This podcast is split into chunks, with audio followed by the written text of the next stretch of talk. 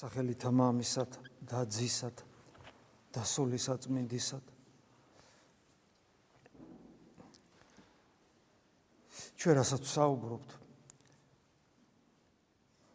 ჩვენი საუბრები საერთოდ ეყდნობა წმენას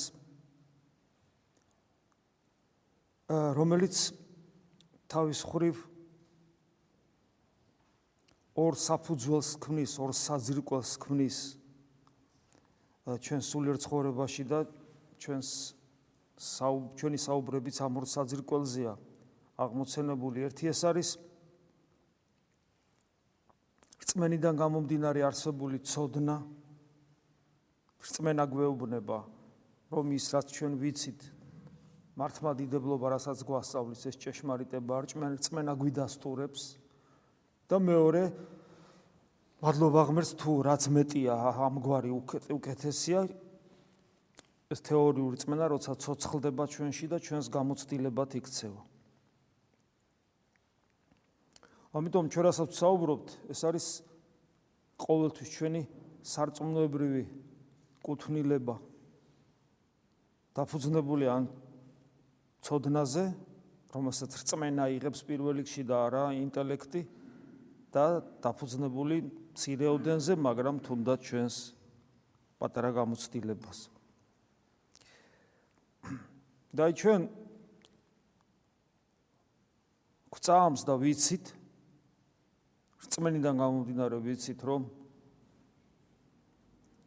იქ სადაც და როგორც ჩვენ ცხოვრობთ ამისთვის არ შეგვქონა ღმერთმა და ჩვენ ვიცით და გვწამს თუ როგორ დავკარგეთ ესეც ვიცით და გვწამს. რომ ჩვენ ადამიანში მყოფობისას ჩვენ გულიდან გულში უთხარით უფალს გულში უთხარით ღმერთს უარი და როგორც მამები გვასწავლიან გულიდან გულიდან განვდევნეთ მადლი და დავკარგეთ ის რაც დავკარგეთ და სასופველში დაბრუნება სწორედ უკუ პროცესით ხდება, ჯერ გულში მოვიპოვებთ მადლს, მოვიხვეჭთ. და მე ეს რეალიზდება მაშინ, როდესაც უფალი დიდები დაბრუნდება. სრულად რეალიზდება მაშინ.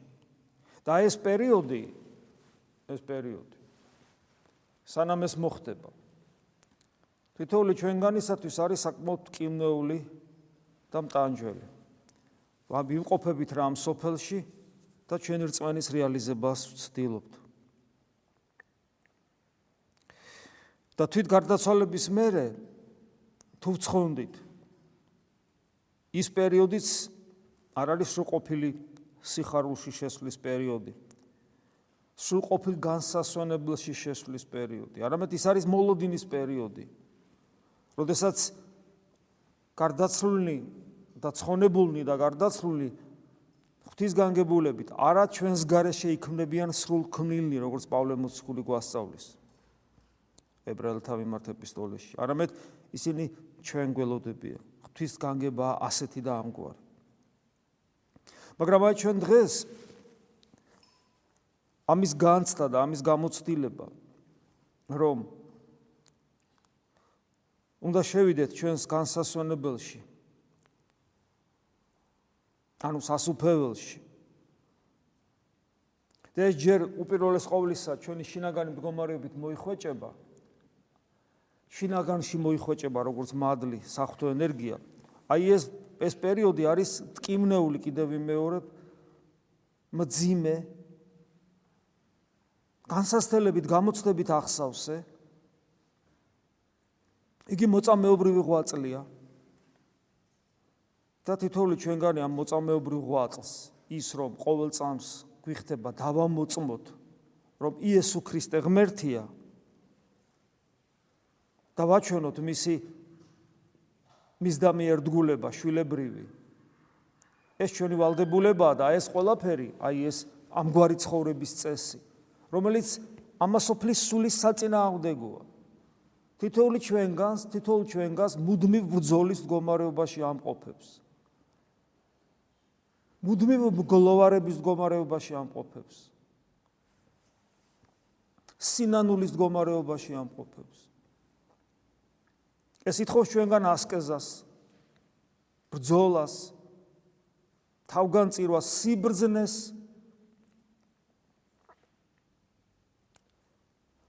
სიმამაცეს. და იმ სულიერ გმირობას, რასაც დაცემის შემთხვევაში წამოდგომა ქვია. იმ ღირსებას, რასაც სოდვის შეცოდების შემთხვევაში სინანული ქვია. რომელიც იოლი არ არის.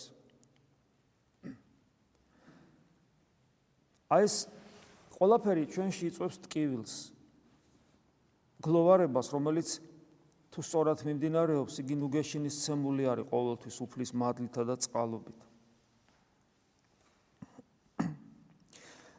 დღევანდელი 60 ქულო ეს არის ებრაელთა მიმართ ეპისტოლე. დღევანდელ 60 ქულოში პავლე მოციქული იყენებს სიმბოლო სიმბოლურად განმარტავს და იმას ჩვენთვის უკვე ქრისტიანებისათვის სასარგებლოდ იყენებს აა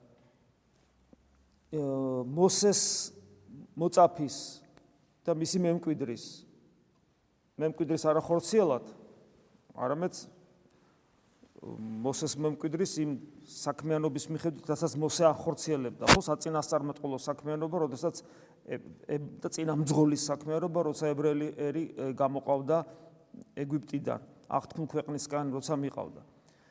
მისი მემკვიდრე იყო იესო ნავეს ძე. და იესო ნავეს ძეს შეყავს აღთქმ ქვეყანაში, არა მოსეს, არამედ იესოს ნავეს ძეს შეყავს აღთქმ ქვეყანაში. შეყავს აღთქმ ქვეყანაში ებრაელი ერი დიდი ბრძოლით,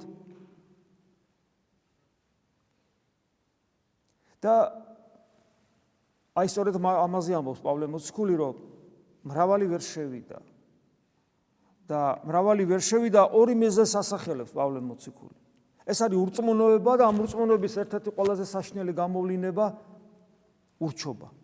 და ურჩები და ურწმუნოები ვერ შევიდნენ განსასვენებელში ანუ იმ აღთქმულ ქვეყანაში მაშინ.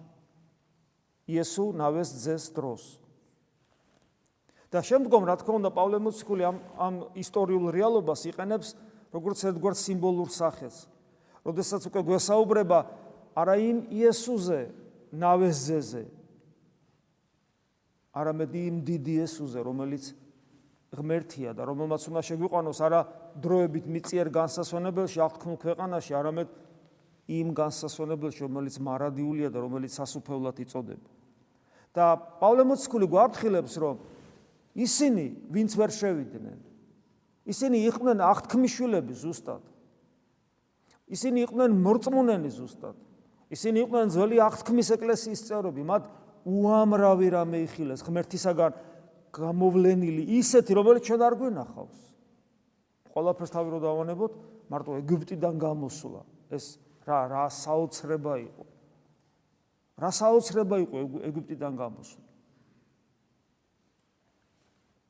ანუ მათ რწმენა როგორი უნდა ყოფილიყო? ღმერთი ხილულად მათთან იყო, შეიძლება ასე ვთქვათ, რამდენადაც შეუული ადამიანს ღმერთი იხილოს. იმ საქმეებში, რომელსაც ღმერთი ავლენდა. მიუხედავად ამისა, ისინი ავლენდნენ ურწმუნოებას და ურწმუნოება ყველაზე მეტად რაშიც ვლინდებოდა, ეს იყო ურჩობა. წარმოგიდგენიათ? რა საშინელებაა ეს, მაგრამ ეს ყველაფერი რატო დაიწერა? ეს დაიწერა ჩვენ სამოძღვრებლად, რომ ჩვენც იგივე გვჭირს და გვემართება. და ამიტომ პავლე მოციქული ესე ამბობს ებრაელთა მიმართ ეპისტოლეში გვეშინოდეს რათა ვიდრე რჩება უფლის განსასვენებელში შესulis აღთქმა ვინმე თქვენგანი არ აღმოჩნდეს დაგვიანებული აი როგორც მაშინ ის უნავეს დროს როცა როცა ვერ შევიდნენ როცა აი ამ ურჩობისა და გვაფრთხილებს ურჩობისა და ურწმუნოების გამო ის ადამიანები იყვნენ მორწმუნენი, რელიგიურები. რწა არის რწმენა. ჩვენ ხო ესე ვთარგმნით რა არის რწმენა ეს არის ჩვენთვის ჩვენი გაგებით ხშირად არის არ ვფიქრობთ ამაზე ღმერთის არსებობის რო გჯერა. ყოველთვის ვამბობთ რომ ეს ქრისტიანული გაგებით ეს რწმენად არ იწოდება ღმერთის არსებობაში რომ ეჭვი არ გეპარება. არც რელიგიური ცხოვრება არ იწოდება რწმენად ქრისტიანული გაგებით. რწმენა არის ის რაც ჩვენ შეგიყვას განსასვენებელში. და მრავალი არის მოწოდებული და ცოტათი არის რჩეული და მოწოდებული ყველა მორწმუნეა, მაგრამ განსასვენებელში ვერ შედიან. ხოლო ურჩობა კიდევ ერთხელ ვიმეორებ, ურჩობა ღვთის განგებულებისადმი, რომელიც ვლინდება ყოველ წრილმანში, მათ შორის ჩვენ შორის ურთიერთობებში, სულ მოკლეობის გამოვლინებებში, წუწუნში, დრტვინვაში, სასოწარკვეთილებაში, მოწყენილობაში, უიმედობაში, დეპრესიაში ამ ყველაფერში ვლინდება ჩვენი ურჩობა, უნდობლობა ღვთისადმი. აი ეს ყველაფერი არის ხელისშემშლელი გამოვლინება ჩვენი ურწმუნოების ასინამდვილეში, იმიტომ რომ ქრისტიანული გაგებით რწმენა ღვთისადმი მინდობის გარეშე არ არსებობს და საბოლოო ჯამში ადამიანი რჩება აღთქმაში, განსასვენებელში შესulis გარეშე. და ბესი ამბობს უსტად, რადგან ჩვენს გვეხარა ისევე როგორც მათ, მაგრამ მათთვის არ მოუტანია სარგებლობა მოსმენილ სიტყვას. რადგან ეს სიტყვა არ შეერწყა მსმენელთა რწმენას. აი, ესია. სიტყვა ესმოდათ და მათ რწმენას არ შეერწყა. ამაზე ჩვენ ხშირად ვამბობ, ჩვენ რაც გვესმის, ჩვენ რაც გვესმის სიტყვა. ეს გარედან შემოსული ცოდნაა. თუ ჩვენ შიგნით არსებულ სულიწმინდას მიერ განსწავლულობას არ დაემთხვა გარედან მოსმენილი სიტყვა, როგორც წესი ჩვენი გული მას არიღებს. ანუ ადამიანის გულს თავისთავად ღვთის სიტყვის მიღების უნარი არ აქვს. ადამიანს თავისთავად წმინდა წერილის გაგების უნარი არ აქვს. ადამიანის გული იმდენად იღებს გარედან მოსულ გაგონილს ღვთის სიტყვას, რამდენადაც ადამიანის გული მზად არის ამისათვის. ადამიანის გული ერთადერთი რითაც ადამიანის შინაგანი სამყარო მზად არის ამის მისაღებად ეს არის არა ინტელექტი არა ჩვენი თქვათ რაღაც ემოციები და გრძნობები. არამედ ეს არის სულიწმინდა ღმერთი რომელიც გარეშეც რომლის გარეშეც შეუძლებელია შეუძლებელია ქრისტეს შეცნობა. ვერავინ იტყვის უფალი იესო თუ არა სულიწმინდის მიერ როგორც პავლე მოციქული იტყვის. და ამბობს სხვა ადგილას. და აი შემდეგ პავლე მოციქული აგზელებს და შემდეგ აი ამ პავლე მოციქულის სიტყვა ძალიან კარგად განმარტავენ. წმინდა ამბები მათ შორის ძალიან კარგად განმარტავს წმინდა ეგნატე ბრიანჩაინოვი საერთოდ როდესაც ახლა ჩვენ ამ თემაზე ვსაუბრობთ ხო ჩვენი ჩვენი აი ესეთ რა ასოციაციები შეიძლება გამოიწვიოს ამას? რაღაც ზოგადი აბსტრაქტული აი ისუნავეს ზეს დროს სადღაც ფიზიკურად შედიოდნენ. გასაგებია ის ერთგვარი სიმბოლური სახია, სახის მეტყველებითი თვალსაზრისით ჩემთვის საინტერესოა რომ ეს უნდა შევიდე სასუფეველში, მაგრამ ეს ჩემთვის აბსტრაქტია შეიძლება, სად უნდა შევიდე, სად უნდა წავიდე, როგორ უნდა გავაკეთო, როგორ უნდა გავყვე დიდი იესოს, არა იესონავეს, არამედ დიდი იესოს ადამიანად მოსულ ღმერთს, რა უნდა გავაკეთო კონკრეტულად? ხო და აი შემდეგ პავლე მოციქული სწორედ დღევანდელ საკითხებში აგზელებს ამასადაც აკონკრეტებს აი ეს ის ისტორია ჩემთვის რეალობად როგორ უნდა იქცეს და ეს არის ნიმუში, ნიმუში როგორ უნდა გაცოცხლდეს პრაქტიკულ ცხოვრებაში წმინდა წერილი. როგორ უნდა განვუკუთნოთ წმინდა წერილის ყოველი სიტყვა, რომელსაც ეკლესია გვაწვდის საკუთარ თავს პრაქტიკულ სულიერ ცხოვრებაში როგორ უნდა რეალიზდეს, როგორ განუკუთვნოს საკუთარ თავს და როგორ უნდა რეალიზდეს პრაქტიკულ სულიერ ცხოვრებაში, რომ ჩვენ აქედან სარგებელი ვნახოთ, იმიტომ რომ თუ ჩვენთვის ეს სასარგებლო არ იქნება, მაშინ არაფერს აზრი არ აქვს. მას ვეცადოთ შევიდეთ იმ განსასვენებელში. ახლა პავლე მოციქული ახალი აღთქმის პერიოდზე ლაპარაკობს. რათა არავინ ჩავარდეს ურჩობაში მათ მსგავსად, როგორც ისინი ჩავარდნენ ურჩობაში და ვერ შევიდნენ. რადგან ცოცხალია ღმერთის სიტყვა, სიტყვა რომელიც გვესმის და მოქმედი და ყოველგვარ ორლესულ מחვილზე უფრო ბასრი და აღწევს სამშვინელსა და სულის სახსართა და ტვინთა გაყოფამდე და განიკითხავს გულის აზრებსა და ზრახვებს.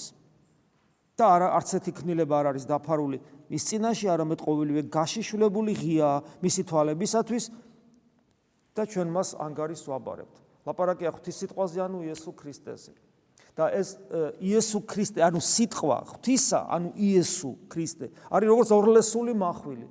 და ეს არის რა თქმა უნდა აქ პრაქტიკული თვალსაზრისით აქ საუბარია სწორედ გონიერ ლოცვაზე. როდესაც გონიერი ლოცვა იესოს სახელის მოხმობა, როგორც სულიერი מחვილი, რომელიც წინაშე მოდრკება ყოველი მუხლი ზეცაში ქვეყანაზე და ქვესკნელში. იგი არის როგორც ორლესული מחვილი, რომელიც განკვეს თელ ჩელმშინაგან არსებას და საუბარია აქ სულის უშინაგანეს ძალებს ძალებზე, როგორიც არის გონება, როგორიც არის ჩემი სულის ემოციური ნაწილი და ნებელობითი ნაწილი. და ეს ღვთის სიტყვა, ანუ ამ შემთხვევაში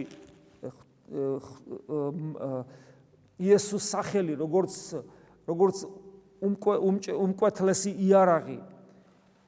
ჩემს ამ სულის შინაგან ნაწილებს ათავისუფლებს განწმეს ცოდვისაგან. გონებას კურნავს სიბრმავისაგან რამე თუ ჩემი გონება დაბრმავებული ამასოფლის სულით ვერ ხედავს უხილავ ღმერთს იმიტომ რომ დაბრმავებული ამასოფლის სულით. ეს იესოს სახელი ასევე განსწმენს იმიტომ რომ მოკვეთს ჩემი სულის ემოციურ ნაწილს ჩემი სულის ემოციურ ნაწილს იმას რასაც ცოდვა ქვია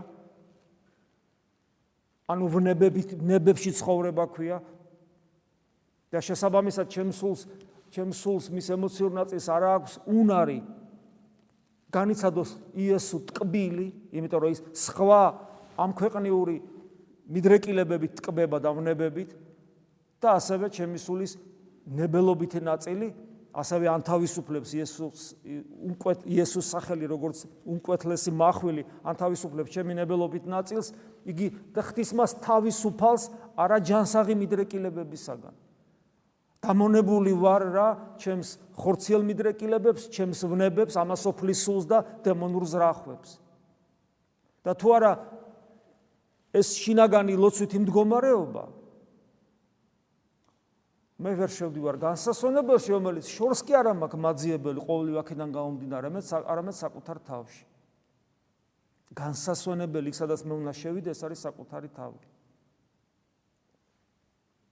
ამიტომაც, როდესაც საუბრობს მაგალითად გრიგოლ სინელი ქრისტიანის სულიერ ცხოვრებაზე, რომელმაც უნდა შეაღწიოს მიღმიერში, რომელიც უნდა გავიდეს, იგი ამბობს სწორედ ორ ორ ორ საკითხს ესაუბრობს. ეს იწება გულში შესვლით და შემდეგ გულიდან მარად გულიდან უკვე გულიდან გასვლით იმ მარადისობაში, რომელიც ჩვენთვის ახლა წარმოუდგენელია. მაგრამ აი ჩვენ ეტაპზე ამ შემთხვევაში ძალიან საინტერესო მნიშვნელოვანია ის, რომ ეს ყველაფერი იწება გულში შესვლით და გულში შესვლით არა უბრალოდ ყურადღებით, არამედ უნდა გავყვეთ იესოს. იესოს უნდა გავყვეთ და იგი შეგვიყვანს ჩვენს გულში, ანუ აღთქმულ ქვეყანაში. აი პრაქტიკაში ეს ასე და ამგვარად ვლინდება. და უბრალოდ პავლე მოციქული შემდგომში ამ თავს ჩვენ სანუგეშოდ აგრძელებს არა არასრულებს ამაზე. ეს ყველაფერი რთულია რაზე ჩვენ საუბრობთ. გონიერლოც რთულია. ძალიან მტკივნეული პროცესი. ეს ომი აი როგორც ისუნავეს ძეს შეყავს აღთქმ ქვეყანაში იგი იბრძვიან იუდეველები. იბრძვიან სასტიკ მტერთან ძალიან ძლიერ მტერთან იბრძვიან იმდანაც ძლიერი იყო ის წერი, რომ პირველი სტოვრები რო წავიდნენ, შეშინებულებიც კი გამაბრუნდნენ, რომ ესე იგი იქ იმათ როგორ უნდა ვებრძოლოთ, სულ მოკლეობას კი გამოავლინეს. აი ესეთი ძლიერი წერი ყავს ჩვენ. ეს არის ჩვენი დაცემული ბუნება, ეს არის ამასოფლისული, ეს არის დემონური ძალები, რომელიც ჩვენი ვებნებების საშუალებით ჩვენ გვებრძვიან. და ეს ბრძოლა ძალიან სასტიკია და ყოველას გამოგვიცდია ეს. ვისაც გამოგვიცდია. და ამიტომაც არის რომ ადამიანები ხშირად სულ მოკლეობას ავლენენ სწორედ შინაგანი ცხოვრებისადმი გონიერი ლოცვისადმი. იმიტომ როგორც კი იწებენ აი ჯერ ჯერ ურწმუნოებას ავლენენ და ურჩობას, აი რაღაც როგორც პავლე მოციქული გვაფრთხილებს, ურჩობას 2000 წლოვანი საეკლესიო გამოცდილებისა. ურწმუნოებას წმინდა მამებისადმი, რომლებიც გვასწავლიან და გვასწავლიან ამის შესახებ ურწმუნოებას წმინდა წერილისადმი, რომელიც ამაზე გვიქადაგებს ზუსტად შინაგან ცხოვრებაზე და გონიერ ლოცვაზე.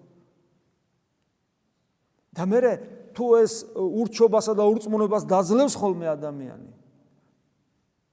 მე უკვე სულ მოკლეობას ავლენენ ხშირად ადამიანები, სულ მოკლეობას იწებენ და აღარ აგრძელებენ, იმიტომ რომ ერთულებად მათთვის ტკივნეულია, მათთვის პრობლემულია, იმიტომ რომ ხვდებიან რომ თელი ცხოვრება უნდა მიუძღვნა ამას.